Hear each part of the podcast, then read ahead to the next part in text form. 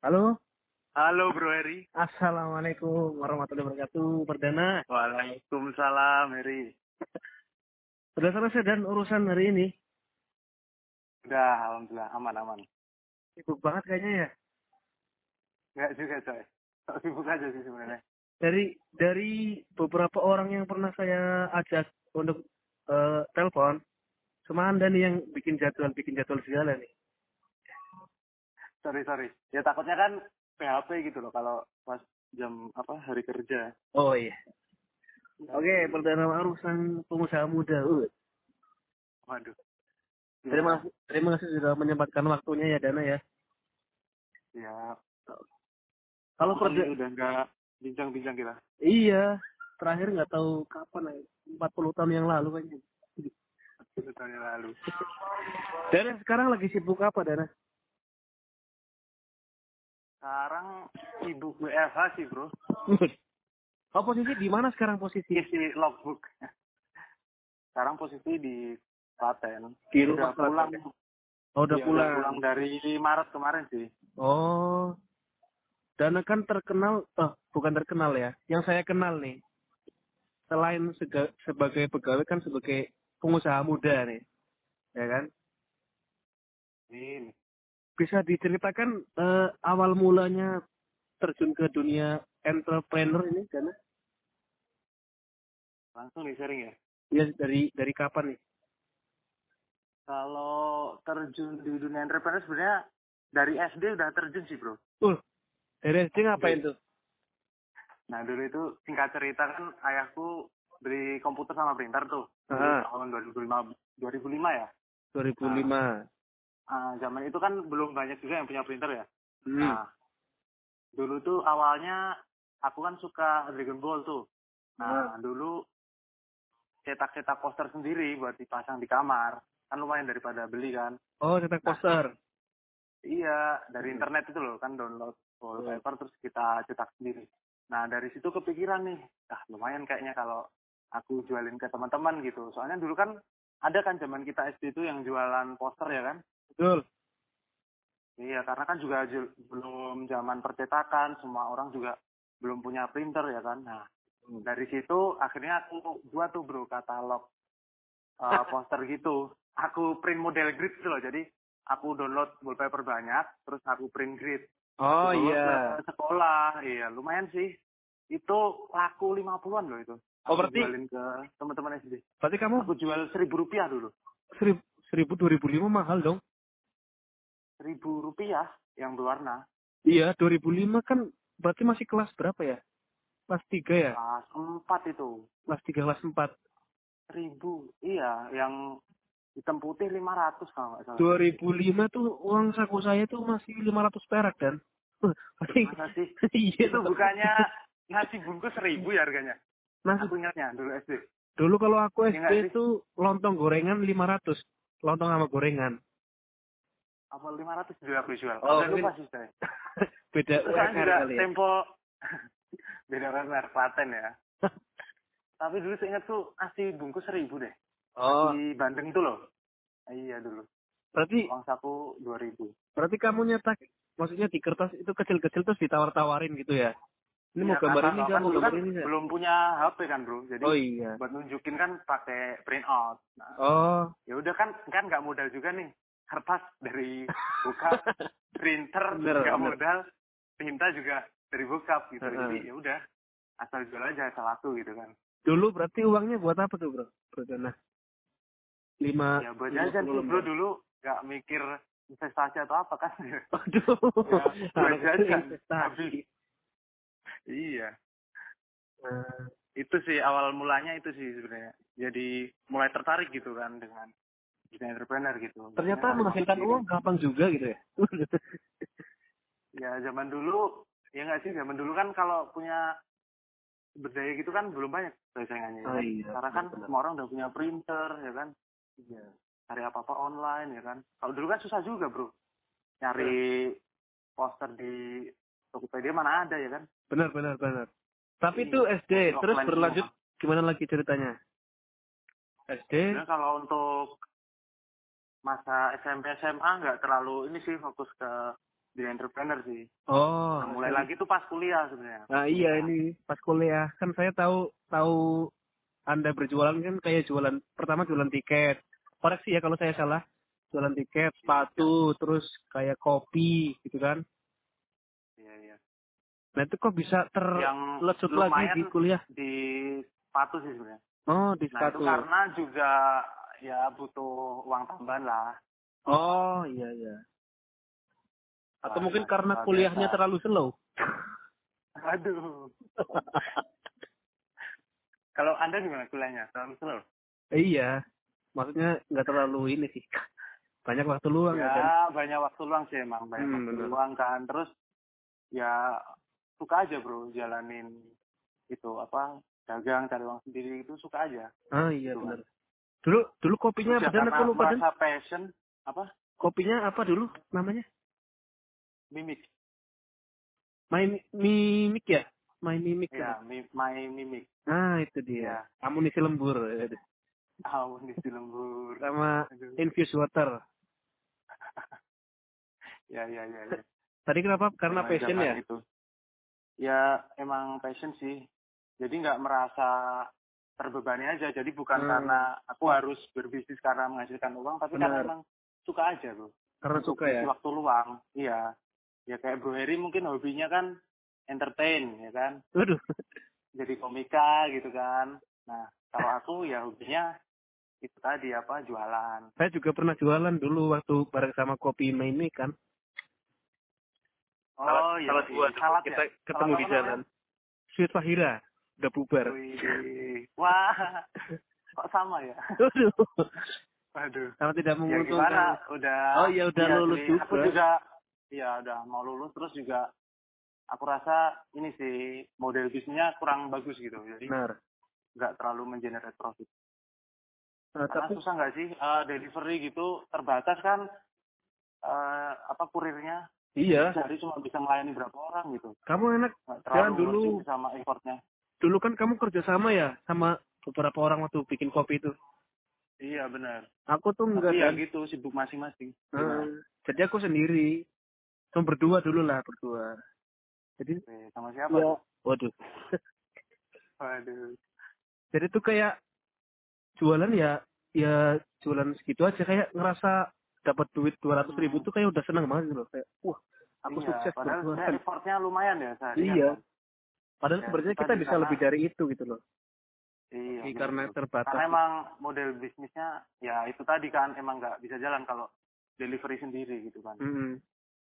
Nah, itu kan di kampus apalagi ini kan nganternya butuh waktu lama gak sih bro apalagi yang daerah Kalmong gitu kan benar. terus apa Kalmong, ya Allah bro, nggak bisa dilacak pakai Google Map kan. iya pak Harus tahu Hmm. kita, maksudnya kos ini, iya bener kos, aduh gimana ya? Nanya-nanya, aku sempat Iya. nanya-nanya loh. Kamu sempat nanya-nanya nggak waktu nganter-nganter kopi itu? iyalah kalau ke ini ke Kalmong Ah iya, kalau ini kan enak ya ada jalan, gurita, apa eh, nomor TKM, apa. Ini itu yang sebenarnya menguras waktu sih bro Kalmong bener. satu nyarinya aduh lama banget Kalmong memang paling susah sih untuk berjualan iya delivery itu. ya itulah masa-masa SMA itu sih Masa-masa kuliah ya. Di eh, kok SMA iya kuliah Berarti pas kuliah tuh ngejalanin tiga itu nyoba tiga itu aja dan tiket, sepatu sama kopi itu ya. Iya, sepatu sama kopi itu. Yang sebenarnya lumayan bertahan. Sepatu Sepatu. itu sih lumayan. Kalau sekarang denger-denger ini nambah-nambah lagi jualan helm ya sama jualan boba. Sebenarnya lebih ke ini aksesoris riding, bro. Aksesoris riding karena Dana ini juga Iya. suka riding ya ngomong-ngomong ya. Iya, jadi Bener. ya bisa nawarin ke teman-teman lah gitu Oh, kan. Teman-teman sendiri terus sama ya ada market lewat online. Benar. Kalau boba kayaknya sukses juga nih berdana. Ya alhamdulillah sih sampai sekarang alhamdulillah masih buka saya. Oh masih buka di Saat banyak yang Mampang tutup, sekarang ya? alhamdulillah iya Hmm. masih bisa jalan sih, masih Bisa bisa, jalan. generate profit lah walaupun tipis-tipis. Alhamdulillah. pernah masuk ini juga katanya CNN ya. Iya, Itu gimana tuh? Itu- Kok bisa? unexpected sebenarnya. itu. Ya tiba-tiba aja pagi-pagi itu kan pas ngantor kan udah di kantor nah ada Hmm. telepon dari CNN, dari tim redaksinya kalau mau liput gitu kan. Terus Oh. aku nanya dong liputan apa gitu kan. Jangan-jangan yang di Burmen itu mukanya ya kan. Boba terbuat dari ya, sulfur. ya, soalnya nggak ada angin, nggak ada hujan Pak. Tiba-tiba Oh. CNN hubungin tuh ada apa gitu kan. Ah. Terus ternyata liputan redaksi siang gitu. Terus oh ya udahlah. Orang udah gratis kan diliput TV kapan lagi? Ya udah aku aku yain gitu kan. Oh, Hari iya. itu juga Pak Kamis. Nah untungnya kan kantor deket kan di Hmm. Kan kampus deket sama outlet. Terus ya udah aku lihat juga jadwal online-nya kan jam 12 free. Ya udah aku yain kan. Jadi Oh, jam iya. 12 Mbak gitu kan. Hmm. Ya udah di liput, di interview gitu. Senang tapi masuk mereka. Ya lumayan lah. Habis itu juga banyak yang orderan ya nggak tahu ya karena tahu dari TV atau gimana. Tapi Ah. lumayan sih meningkat bro. Ada juga yang take away gitu bilang karena emang tahu dari TV terus Oh, di situ. Karena kita kan emang ada menu yang unik tuh, iya. pancake gitu. Boba Banyakan pancake kan, ya. Iya, banyak kan kan boba tadinya sama susu, sama milk tea. Nah kita Minuman. dikasih sama pancake. Nah itu yang menarik perhatian dari tim-tim redaksi CNN kemarin. Oh. Kalau kalau boba pen itu franchise apa punya sendiri? Dan Franchise itu. oh, punya franchise. Iya, karena aku kan baru pertama ini terjun di kuliner di boba ini, maksudnya yang benar-benar terjun ya. Oh iya. Nah, karena juga di Jakarta nggak ada tim, Benar. Terus ya udah aku putusin buat ngambil franchise, buat belajar Oh. dulu lah gitu. Siap, siap. Tapi insya Allah nanti akan rilis di brand sendiri, Oh, apa tuh? insya Allah. Tapi kayaknya belum di Jakarta lah, di Jogja dulu, Jogja, Klaten dan sekitarnya. Jogja. Oh, tapi Jogja ramai juga ayam geprek di jangan-jangan Jogja. Bukan, minuman. Oh, Kalau minuman. ayam geprek di Klaten juga harusnya udah buka, tapi ya karena Oh. ada corona ini dipending bro. Iya, iya, iya. Yang apa namanya Iya. kalau nggak salah geprek Bagindas ya? Eh, geprek Baginda. Iya, Baginda bro, nggak Oh, pakai es. Kalau es itu grup band itu. Oh, geprek Baginda rencananya mau buka tapi karena ada ini Ya, pembatasan-pembatasan karena Ada pembat PSBB ini ya udah kita putusin di di tunda. kan iya, kita Hmm. lihat juga karena kalau di Klaten kan beda ya dengan Jakarta kalau Waktu di Jakarta itu kan dia masih bisa jalan ya karena di Jakarta kan masih ada WFH yang WFH punya pendapatan tetap daya beli masih ada. Terus pola konsumsinya kan di sana banyak kan emang GoFood Grab kan. Benar. tuh kalau di sini kan kebanyakan dine in karena emang konsep restorannya di sini dine in sih Oh, Terus iya. daripada tanggung kan takutnya nanti juga nggak nutup biaya operasional ya udah kita tutup Padahal Karena niatnya emang- mau gimana? menyambut puasa gitu ya, bukber-bukber gitu ya. iya karena kan Hmm. tahu sendiri di Klaten kan banyak perantau juga kan Oh, iya. kalau udah menjelang lebaran itu nggak ada warung makan yang sepi pak semuanya ramai Perantau kerja di mana? Di kantor bupati. waduh bupati yang viral itu jangan Bupati yang banyak bikin Ya. stiker. waduh oh ya, ini Dara, gimana kan kamu kalau aku lihat-lihat di eh, bisnisnya atau entrepreneurnya kan banyak nih. Mhm. Kamu sering ini nggak sih? Maksudnya kasih promo atau cashback gitu kan? Biasanya kan dana banyak cashback kan? waduh dana dong ya untuk pernah promo-promo Gimana? gitu apa nggak? Gimana? untuk yang boba pen nih Ya yang mana aja?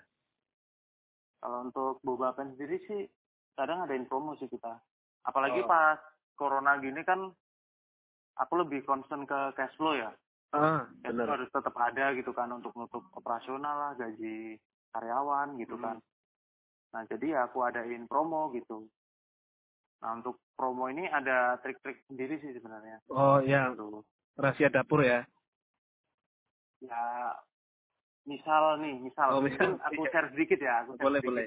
Nah, misal teman-teman eh, punya suatu produk gitu kan. Ah, Mungkin yang dengerin ini kan juga eh, foodpreneur juga mungkin. ya. punya usaha di bidang kuliner. Nah, mungkin kalau punya menu yang nggak laku, nah itu bisa dengan promonya paket bundle gitu. Oh, Jadi benar-benar. paketan, menu yang nggak laku dipaketin sama yang laku gitu. Hmm. Nah, itu caranya. Karena Benar. kalau kita promoin menu yang nggak laku cuma stand alone gitu kan, Oh, cuma dia iya. doang, pasti orang nggak ngambil gitu. Benar, walaupun benar, harganya udah dimurahin gitu. Tapi kalau sama menu yang laku kalian gabungin promonya. Nah kemungkinan orang bakal beli itu juga kan. Terus akhirnya kan jadi nyobain tuh. Oh ternyata enak juga. Ternyata enak juga. Gitu. iya. Emang perlu sih promo-promo gitu. Dan kalau aku lihat-lihat Dana ini jualannya barang terus ya, maksudnya buka- bukan jasa gitu loh. Iya Atau- sih, bro. Sebenarnya aku masih concernnya ke B2C aja sih.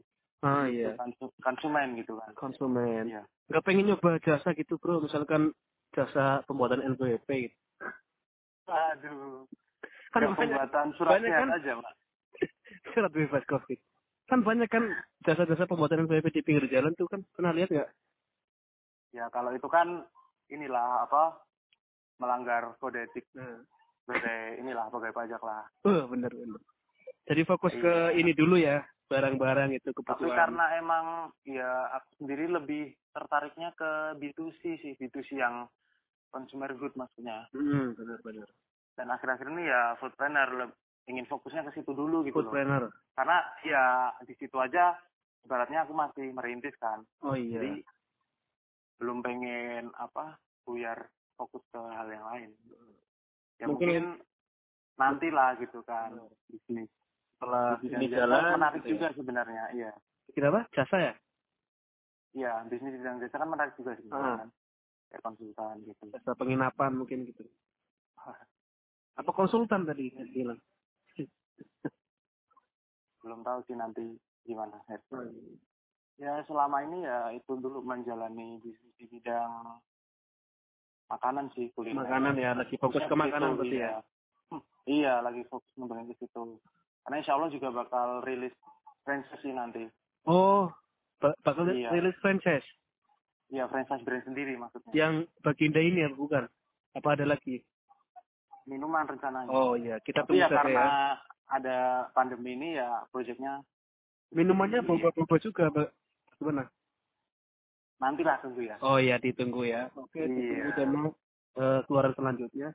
Oh ya, ini Dana kan sel- selain sebagai pengusaha istilahnya food planner ya kalau sekarang ya. iya bro kan juga sebagai pegawai nih di salah satu instansi nih. Menurut Iya. Anda ini enakan jadi pegawai apa jadi food planner atau pengusaha? itu jawabannya bisa dua sebenarnya Oh, bisa dua. Tapi Iya. kalau saya mau Ya, jawaban satu aja gimana? kalau di masa-masa sekarang ini ya lebih enak pegawai lah. Oh, iya. Iya. Kalau masa-masa biasa, ya pegawai itu kan oh ada alasannya. Ya kan- silakan alasannya. kalau iya kalau pegawai itu kan aku melihatnya kan udah ada kepastian ya bro ya. Udah ada Nah, kepastian. siap. Karena penghasilan masuk, kita ya. tanggung jawab oleh negara ya kan. Benar. Misalkan kita melaksanakan tugas kita dapat bayaran. Tapi kalau kita entrepreneur itu kan kita bertanggung jawab atas diri kita sendiri bro. Oh, gitu ya. Iya. Kalau kita gagal ya kita benar-benar gagal. Kalau kita sukses ya kita benar-benar sukses bro. Nah, terus Gitu juga kan. kita memegang tanggung jawab misalkan ada karyawan gitu ya. Ya semuanya tanggung jawab di kita coy. Nah, nah kalau Mungkin aku contohkan nah, gimana? gimana? Contohkan gimana? Mungkin bisa analogi itu uh, semacam di orkestra musik lah ya. Ah, Nah kalau pegawai itu kan pemain musiknya nih. benar. Dia hanya memikirkan jobnya aja. Asalkan jobnya terlaksana, dia dapat bayaran ya kan. Oh iya. Nah tapi kalau seorang entrepreneur itu ibaratnya seorang maestro bro. Hmm. Yang nggak cuma mikir gimana caranya musik itu bagus, tapi juga harus mengelola banyak hal kan, memikirkan banyak hal. Benar, benar, benar. dan kalau dia sukses dia yang bakal dapat pujian tapi kalau gagal dia yang bakal dapat pahitnya gitu loh. Yang lain kan tetap dapat bayaran dong gitu. Benar, benar. nah itu. Ya semua tergantung passion sih gitu. Satu persen. karena sebenarnya kan pengusaha itu kan bukan hanya tentang uang ya tentang keuntungan gitu loh.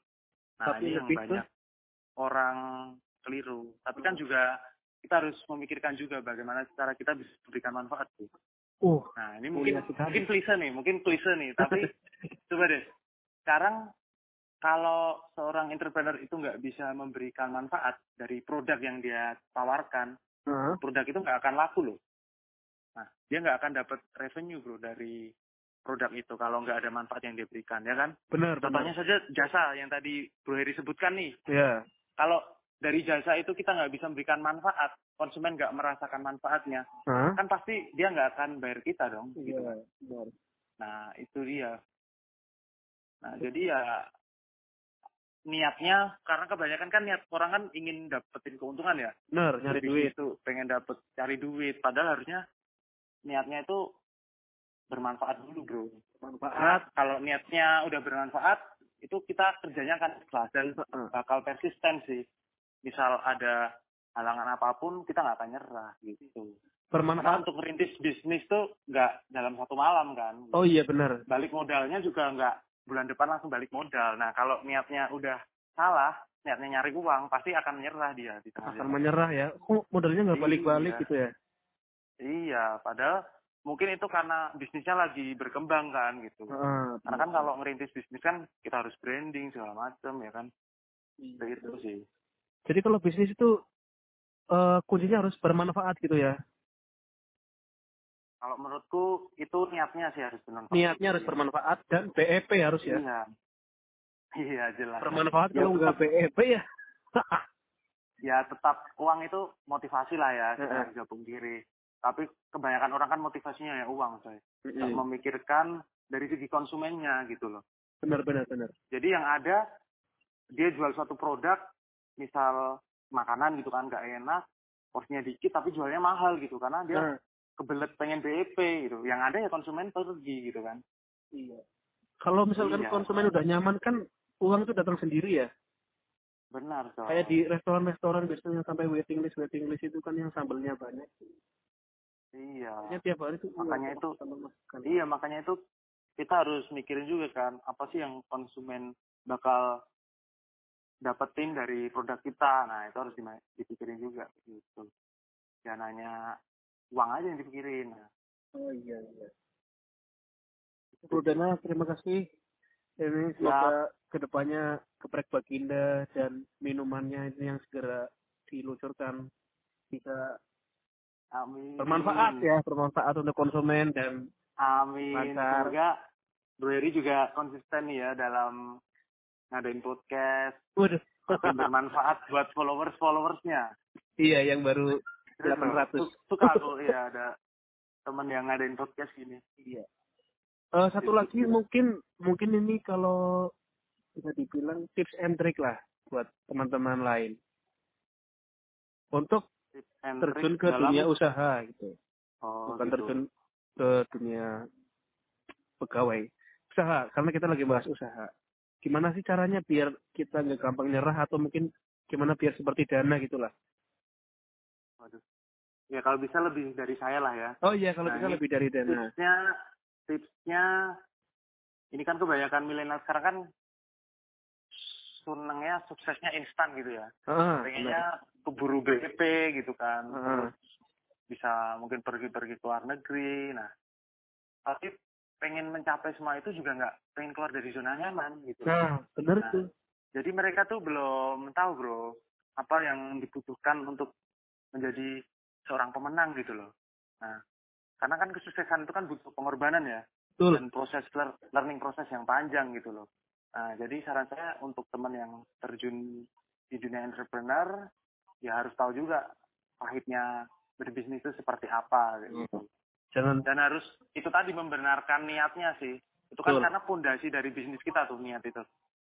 Betul ini nama ahmaluhu Kalau niatnya, iya kalau niatnya itu tadi untuk bermanfaat, pasti nanti kerjanya akan ikhlas tuh. ya Dan ibaratnya belum profitnya belum seberapa karena emang baru ngerintis dan cari konsumen, ya dia bakal tetap kerja keras gitu loh. ah, karena niatnya Gitu. memberi manfaat gitu Karena ya. niatnya bermanfaat dulu, iya. Ya uang itu tetap jadi motivasi, tapi jangan jadikan itu motivasi utama gitu. Benar, Karena kalau motivasi utamanya uang, pasti nanti akan nyerah di tengah jalan. Gitu. loh. Hmm. Karena bisnis itu nggak semulus yang dibayangkan, pasti ada apa naik turunnya ya itu. Hmm. Iya benar. Dan buat teman-teman semua, kalau memang passionnya di dunia bisnis, menurutku juga nggak apa-apa sih walaupun sebagai seorang ASN gitu kan. Ah, Karena kan juga dengan berbisnis itu bisa memberikan manfaat ya. Contohnya membuka lapangan pekerjaan ya kan. betul betul itu Terus bisa berkontribusi lebih dalam segi pajak juga ya kan lewat Iya. penghasilan dari bisnisnya. Jadi jangan takut juga sih untuk terjun ke dunia entrepreneur gitu. Apalagi kalau udah punya ide bagus, ya udah eksekusi gitu. Nah, Jangan itu sampai dia. nanti orang lain yang mengeksekusi. Jangan sampai keduluan orang lain ya. Iya, karena kebanyakan Benar-benar. kan cuma menanyakan doang nih, tapi belum melaksanakan gitu loh. Iya, Nah, Bro. sebagus-bagusnya ide itu adalah ide yang dieksekusi, begitu. Bener. Oke. Ya, Jadi Heri lah punya ide, iya ide bikin podcast ya dieksekusi aja ya kan. bener bener. Likes-nya berapapun tetap hajar bro. Jadi Ngobrol-ngobrol. lama-lama juga, iya lama-lama juga bakal banyak kan audiensnya. Karena Amin. ses- ya semua yang besar berawal dari yang kecil. Betul. Tadi tadi jangan takut. Terus niatnya yang baik gitu ya. Iya, benerin itu niatnya dulu sih. hmm, Karena learning prosesnya panjang. Iya, aku lihat kan ada teman-teman yang nanya juga, tapi kebanyakan ya itu tadi niatnya tuh udah uang terus gitu kan. Oh Nah, iya benar-benar. Ya menurutku salah sih itu, karena nanti pasti bakal menyerah di tengah jalan gitu. Karena mungkin satu banding berapa juta itu orang yang langsung berhasil gitu loh, pasti ada gagalnya tuh Benar dalam benar. berbisnis. Karena memang ada learning prosesnya sih gitu. Kayak gitu. Seperti sebuah pepatah ya. What doesn't kill you makes you stronger ya. Ya, iya. Jadi setiap kegagalan akan membuat kita menjadi lebih kuat dan lebih siap Benar untuk sekali. menghadapi tantangan selanjutnya Dan ya. Benar sekali bro. Oke terima kasih Perdana Ma'ruf Ya bro. Kanata sudah Ya. berbagi cerita, berbagi tips ini luar biasa sekali bermanfaat ya untuk anak-anak muda. Amin. Ini mohon maaf nih saya kejar-kejar terus dari kemarin karena ini menurut saya penting nih perlu disampaikan gitu loh. Siap, siap, siap. Terima kasih ya Dan. Siap, Heri. Udah sukses mau buka nih. Podcastnya ya. Iya terima kasih. Semoga keluarga sehat dan anda juga sehat. Semoga lancar usahanya. Amin. Oke. Terima kasih Oke, Dan. Assalamualaikum. Ya, sama-sama, Her. Waalaikumsalam.